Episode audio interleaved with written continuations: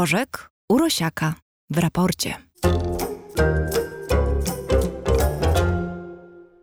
Tomasz Rożek, gospodarz kanału Nauka to Lubię, jest z nami. Witam cię.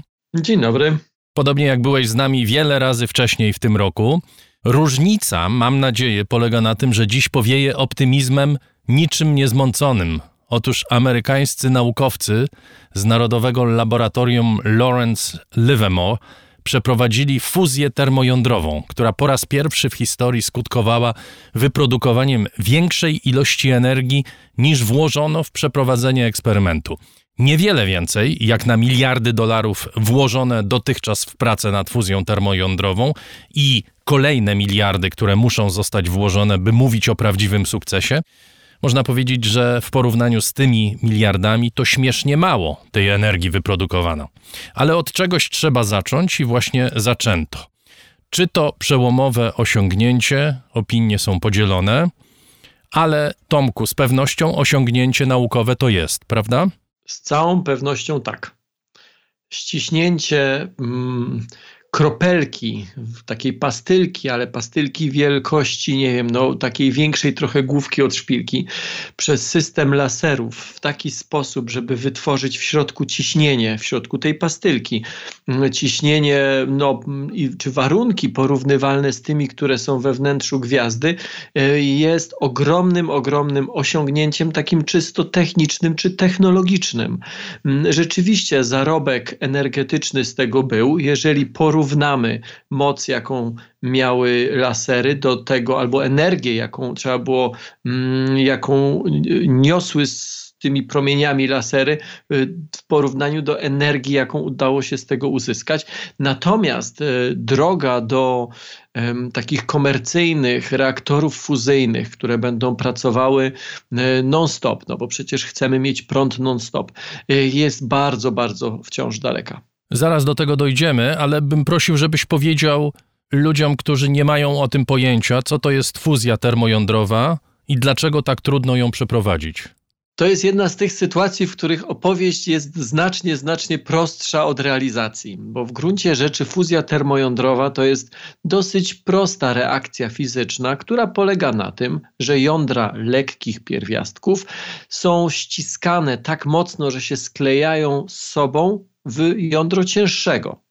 Brzmi to bardzo prosto, ale proste nie jest. I to jest coś, co dzieje się cały czas na przykład w Słońcu, tak? To jest coś, co dzieje się cały czas we wszystkich gwiazdach w tym wszechświecie. To jest reakcja, dzięki której my żyjemy. Co prawda, ona nie zachodzi w naszym organizmie, ale jednak e, my funkcjonujemy dzięki energii słonecznej. A ta energia słoneczna jest pozyskiwana tylko i wyłącznie przez czy jest produkowana tylko i wyłącznie dzięki reakcji fuzji jądrowej. I to się dzieje naturalnie, jak rozumiem, na Słońcu. No nikt nie może w to ingerować, to się po prostu samo dzieje, że te... Samo, to znaczy wiesz, Słońce to jest ogromna, ogromna kula wodoru na początku swojego, swojego istnienia, czy każda gwiazda, e, na tyle duża i na tyle ogromna, że w środku tej kuli panuje tak ekstremalne ciśnienie, że tam po prostu lekkie jądra atomowe sklejają się E, cięższe, większe. Więc w tym sensie się to samo dzieje, że tam po prostu nikt tych warunków nie inicjuje. To nie jest tak, że po to, żeby słońce czy gwiazda zabłysła, jakby ruszyła, że coś się musi zadziać. No poza tym, że musi to być odpowiednio duża kula wodoru po to, żeby w środku ciśnienie było ekstremalne. W warunkach ziemskich my nie jesteśmy w stanie tak wysokich ciśnień produkować, natomiast możemy trochę to ciśnienie nadrobić za to wyższą temperaturą. To, co się stało w laboratorium, o którym rozmawiamy, mm, to sytuacja, w której to ciśnienie, tą temperaturę wysoką wytworzono promieniami lasera, które e, w e, tym samym momencie uderzyły z wielu różnych stron właśnie w tą maleńką pastylkę, która była mieszaniną trytu i deuteru, to są, e, to są izotopy wodoru. No i się zadziało to, co się zadziało. To miejsce zresztą, w którym przeprowadzono eksperyment, y, nosi nazwę Krajowy Ośrodek Zapłonowy. I ta nazwa chyba wiele mówi. Bo jak rozumiem, chodzi o wywołanie, zainicjowanie reakcji i to chyba co najważniejsze, potem utrzymanie jej na takim poziomie, żeby to jakiś czas trwało, tak? Lista wyzwań jest naprawdę bardzo długa. To, czego dokonano, to nie utrzymano tej reakcji długo, to była chwila, to był jeden strzał i rzeczywiście tam się to zadziało i w tym jednym akcie uzyskano y, więcej nieco energii niż włożono. Ale po pierwsze, tylko dlatego, że tak mówiąc szczerze, trochę tutaj zadziałała taka mm, kreatywna księgowość. Nie do końca wszystko wliczono. E, w, w, ten bilans energetyczny, co nie zmienia faktu, że tak czy inaczej osiągnięto coś, czego wcześniej się nie udawało osiągnąć. Natomiast jeżeli miałoby być tak, że e, ta technologia miałaby zasilać czy napędzać takie reaktory komercyjne, takie po prostu elektrownie fuzyjne, to takie strzały powinny być kilka, może kilkanaście e, na sekundę. A tu dokonano jednego. Więc jest naprawdę jeszcze bardzo długa droga, ale ja to będę podkreślał, bo nie chcę, żeby z tego, co mówię, ktoś wyciągnął wniosek, że tak naprawdę nic się nie stało i po raz kolejny cały świat się ekscytuje czymś, co jest w zasadzie niczym. Otóż nie, stało się bardzo dużo, ponieważ nigdy wcześniej nie udawało się osiągnąć tego, co osiągnięto teraz. Nigdy nie osiągnięto takich rezultatów, na przykład w ramach projektu ITER, który prowadzony jest na południu Francji? Przede wszystkim ITER to jest inna technologia. Tam nie ma laserów. To jest zupełnie inny sposób na doprowadzenie do tego samego, czyli do tych ekstremalnych warunków, w których jądra lekkie się będą sklejały większe. A w ITERze to w jaki sposób to się odbywa? Nie laserem? Y, nie laserem. W ITERze jest taki, taki e, się nazywa tokamak, taki, taki reaktor, który jest w kształcie takiego torusa, takiej opony powiedzmy. W środku jest e, ogromny transformator. W ITERze nie ma laserów. W ITERze tą wysoką temperaturę e, i ciśnienie, no ale głównie temperaturę uzyskuje się w zupełnie inny sposób. W gruncie rzeczy no, znaczy próbując doprowadzić do tego samego, do tego, żeby w którymś miejscu e, tego całego układu temperatura i ciśnienie były na tyle wysokie, żeby lekkie jądra czy małe jądra e, atomowe, na przykład wodoru, sklejały się w cięższe. Mm, ITER nie działa jeszcze, tak? to, to, czy to jest reaktor budowany. E, mm, ta technologia, to, ten reaktor się nazywa tokamakiem, tam to wygląda zupełnie, zupełnie inaczej. Ja rozumiem, że zarówno ten tokamak, jak i laser zasilane są prądem produkowanym w sposób tradycyjny. No innej metody w tej chwili nie mamy. I dlatego mówimy o sukcesie, bo ta energia, która została zużyta, energia elektryczna, prawda? O niej mówimy. Tak, mówimy oczywiście o niej, tak. To musi być. E... Ten laser musiał być podłączony do prądu. Inaczej się tego no nie tak, da zrobić. Obok stoi duża, obok stoi duża, duża elektrownia po to, żeby to wszystko zasilić, więc na razie wciąż mówimy o sytuacji, w której tak naprawdę to badamy fuzję, a nie o sytuacji, w której za chwilę uruchomimy elektrownię fuzyjną. Tomku, czy to jest tylko i wyłącznie kwestia tego, że my nie mamy wystarczającej energii, czy my nie mamy wystarczającej technologii, żeby wymyślać sposób, aby w ciągu właśnie tej sekundy, o której mówiłeś, następowało kilkanaście czy kilkadziesiąt takich strzałów? My nie mamy technologii. Gdyby to była tylko kwestia energii, to pewnie wybudowalibyśmy, nie wiem, reaktor jądrowy jeden, drugi, piąty, albo y, uznalibyśmy, że no dobra, zainwestujemy w to energetycznie, no bo za każdym razem będziemy otrzymywali trochę więcej niż wkładali. W związku z tym za chwilkę, jak to porządnie ruszy, to w zasadzie nie dość, że się będzie samo utrzymywało, to jeszcze na tym energetycznie będziemy zarabiali. Natomiast my nie mamy technologii, żeby energetycznie na tym zarabiać. To, że udało się Y, spowodować, że w jednym takim, nazwijmy to strzale, czy w takim akcie uzyskano nieco więcej, bo to też nie było jakoś drastycznie więcej, tam to więcej to było 20% mm, więcej niż włożono. Y, I tak jak mówię, tylko dlatego, że nie do końca wszystko wliczano. E, wliczano tylko i wyłącznie mm, e, energię, jaką zużyły lasery te strzelające. Natomiast nie wliczano wszystkiego wokoło, magnesów, jakichś chłodzenia. Tego było dużo więcej, ale tak czy inaczej, to i tak jest ogromny, ogromny sukces i e, rzadko jest tak, naprawdę bardzo rzadko jest tak, że mm, dochodzi do jakiejś absolutnej rewolucji tak z dnia na dzień w nauce czy w technologiach. To najczęściej jest bardzo długa droga, której potrzebne są małe sukcesy albo duże sukcesy, które są małymi kroczkami. O, tak chyba będzie poprawniej. Duże, ogromne sukcesy, które są małymi kroczkami e, w drodze czy na drodze do osiągnięcia tego, no, tego, tego powiedzmy finału. A ten finał to chcemy, żeby to był reaktor, czy tam będzie, e, czy tam będzie deuter strytem ściskany laserami, czy w inny sposób będą doprowadzane do właśnie tej fuzji, czyli do łączenia, to nie ma znaczenia. Znaczenie ma to, że chcemy mieć elektrownię, która będzie pracowała non-stop przez kilkadziesiąt lat. To jest cel. Więc od tego celu jesteśmy jeszcze daleko. Nie wiem, czy daleko to znaczy 20 lat, czy 50 lat, czy 100, ale z całą pewnością nie rok albo dwa. 60 lat pracowano nad wyprodukowaniem tej energii, którą właśnie wyprodukowano. Podobno ona mogłaby posłużyć do zagotowania wody w kilku czajnikach. To jest to, co osiągnięto tak. w ramach tego eksperymentu.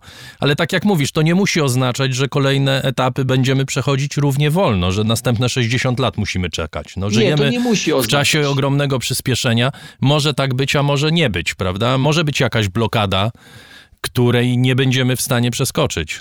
Jednym z problemów, ale z wielu problemów czy wyzwań, jakie trzeba przeskoczyć, jest chociażby kwestia materiałów, które muszą wytrzymywać takie duże obciążenia, e, takie temperatury na przykład. E, I, I e, tutaj od razu też chcę powiedzieć, bo, bo warto o tym pamiętać, nie tylko w kontekście tych badań, ale w zasadzie wszystkich. W momencie, jeżeli wyzwaniem jest stworzenie materiału, który wytrzymuje takie warunki, ale uda się go stworzyć, nie mam wątpliwości, że w wcześniej czy później się uda, to natychmiast się okaże, że ten materiał może być wykorzystywany w wielu innych miejscach, a nie tylko w tego typu reaktorach. Więc inwestowanie w to to nie jest stawianie na jedną kartę. Albo się uda z tą fuzją, albo nie może się okazać, że zanim doprowadzimy e, do e, naszą wiedzę, technologię, do punktu, w którym będziemy w stanie budować takie reaktory, może się okazać, że już będzie inna technologia produkcji energii, e, dużo łatwiejsza w obsłudze. Tak może być, ale nawet jeżeli by się tak stało, to i tak wygrywamy na samym, na samym kroczeniu, na samym robieniu tych dużych kroków na długiej, długiej drodze. Tomku, w tym programie wielokrotnie mówiliśmy o zaletach energii jądrowej, czyli takiej energii, która powstaje z rozszczepienia atomu, prawda? Co jest tak. jakby w opozycji do tego, o czym mówimy dzisiaj, czyli do fuzji. Jakie zalety ma fuzja i dlaczego fuzja jest lepsza niż rozszczepienie atomu? Z punktu widzenia pozyskiwania energii, oczywiście. Jasne. No więc to jest troszeczkę rozmowa wirtualna, bo moglibyśmy ją prowadzić e, wtedy, kiedy byłyby takie reaktory i inne reaktory, byśmy się zastanawiali, które lepsze, mają tak? jakie cechy. Natomiast no, na, na dzisiaj mamy reaktory, w których dochodzi do rozszczepienia i nie mamy reaktorów i nie będziemy mieli jutro ani za dwa lata reaktorów, w których dojdzie do fuzji. Więc to, co teraz powiem, to jest, są takie zalety i wady na kartce w Excelu, a nie, a nie w świecie rzeczywistym. E, warto w fuzję inwestować, poza tym, że generalnie warto inwestować we wszystko, co stanowi dla nas jakąś trudność, bo samo przezwyciężanie trudności już daje nam technologie, później wykorzystywane w wielu różnych miejscach. Ale nawet pomijając ten wątek, w fuzję warto inwestować dlatego, że fuzja, mm, czy do reaktorów fuzyjnych wykorzystywane jest paliwo, które jest powszechnie obecne na, na naszej planecie. Czyli wodór. Czyli wodór. Co więcej. Um, to jest darmowe, czyste prawda, dostępne powszechnie. No, no jest dostępne, tak. Mm, rozumiem, ta, czy są różne wersje tej powiedzmy fuzji, tam yy, można, można deuter, można tryt, ale to już są jakieś powiedzmy detale. Generalnie to jest paliwo, które jest dostępne. Po drugie, po tej reakcji nie dostajemy żadnych radioaktywnych odpadów. Więc y, te dwie rzeczy powodują, że warto o nią zawalczyć. Natomiast minusem tej technologii jest to, że ona jest bardzo skomplikowana. Nieporównywalnie bardziej od reaktorów jądrowych takich, które mamy. No, sam fakt, że jedne mamy, a drugich nie, e, mimo tego, że przecież badamy tą fuzję od kilkudziesięciu lat i próbujemy ją od kilkudziesięciu lat mm, okiełznać, e, już też jak gdyby coś pokazuje. Więc jeżeli przezwyciężymy trudności technologiczne, które dzisiaj niewątpliwie mamy. W przypadku niektórych z nich nawet nie bardzo wiemy, jak je przezwyciężyć, ale jeżeli je przezwyciężymy, to wtedy rzeczywiście będziemy mieli na stole technologię e, inną niż wszystkie dotychczas. Inną dlatego, że bazującą na paliwie powszechnie dostępnym, na paliwie w tym sensie darmowym, że jego pozyskanie jest nieporównywalnie prostsze niż nawet uranu. Uran wymaga, e, nie wiem, kopalni, tak? wymaga wzbogacania. To jest e, bardzo trudna technologia, droga. E, nie wszyscy ją mają. Tak naprawdę jest na krótkiej liście tych technologii, które których trzeba bardzo pilnować, bo jak się da wzbogacić do reaktora jądrowego, to da się też wzbogacić do bomby jądrowej. W przypadku fuzji jądrowej w pewnym sensie też dochodzi do wzbogacenia, ale to jest dużo, dużo prostsze. W ogóle paliwa jest wszędzie pełno, no bo ten wodór można z wody wyciągnąć.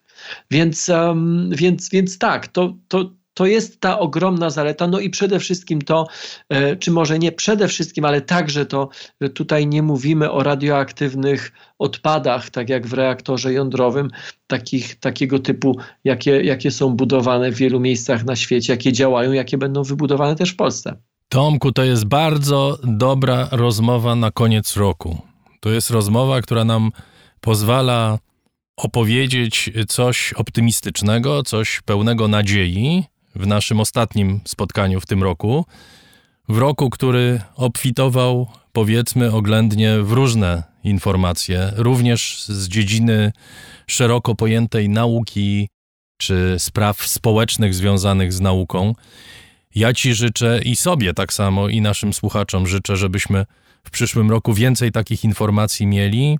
Zależy to pewnie po części od naukowców, ale tylko po części, bo świat rozwija się swoją drogą tak samo.